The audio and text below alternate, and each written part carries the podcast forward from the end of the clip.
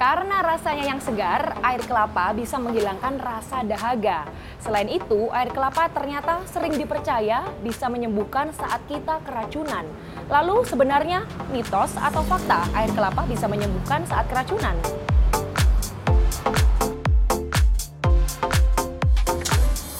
Sejumlah pembeli dan penjual kelapa muda mengatakan air kelapa bisa mengurangi gejala bahkan menyembuhkan saat keracunan makanan. Selain itu, banyak juga ibu hamil yang mengonsumsinya agar kulit bayinya cerah. Pernah mengalami sendiri saya, anak waktu itu diare, udah lemes, udah kayak ndak anu apa, kayak nggak berdaya gitu.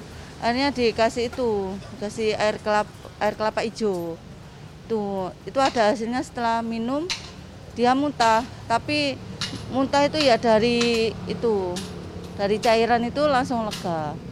Saya ada pengalaman langsung, saya makan lontong kupang, lontong kerang itu, saya ada kayak gebak-gebak merah gitu. Terus saya minum dengan hijau, ya satu jam hilang gitu. Katanya sih buat biar lahirnya enak sama buat bayinya itu bisa bersih. Jadi pernah ada ibu Ada, sering banyak sih.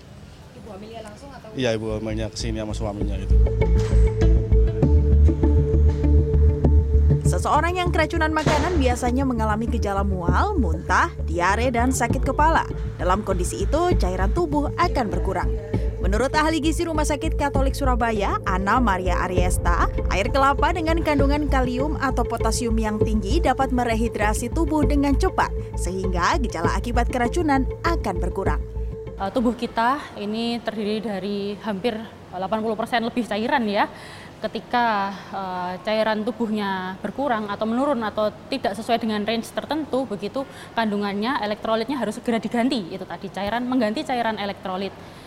Pada air kelapa, uh, air kelapa ini tinggi sekali kandungan untuk kalium atau potasium sehingga dia cepat untuk merehidrasinya itu segera. Selain itu, banyak juga ibu hamil yang percaya mengonsumsi air kelapa bisa membuat kulit bayinya cerah. Menurut Ana Maria, hal tersebut adalah mitos. Ana Maria menyarankan seorang ibu hamil mengurangi konsumsi lemak jenuh seperti yang terkandung dalam jeroan, kulit, makanan yang digoreng berulang, dan santan kental. Uh, kalau itu saya bisa bilang mitos ya, karena sampai dengan saat ini penelitian ilmiah itu belum mampu membuktikan bahwa uh, manfaat air kelapa ini sehubungan dengan tadi kulit bayi begitu ya. Nah, uh, kulit bayi ini sendiri uh, dipengaruhi oleh faktor genetik ya yang pertama begitu ya.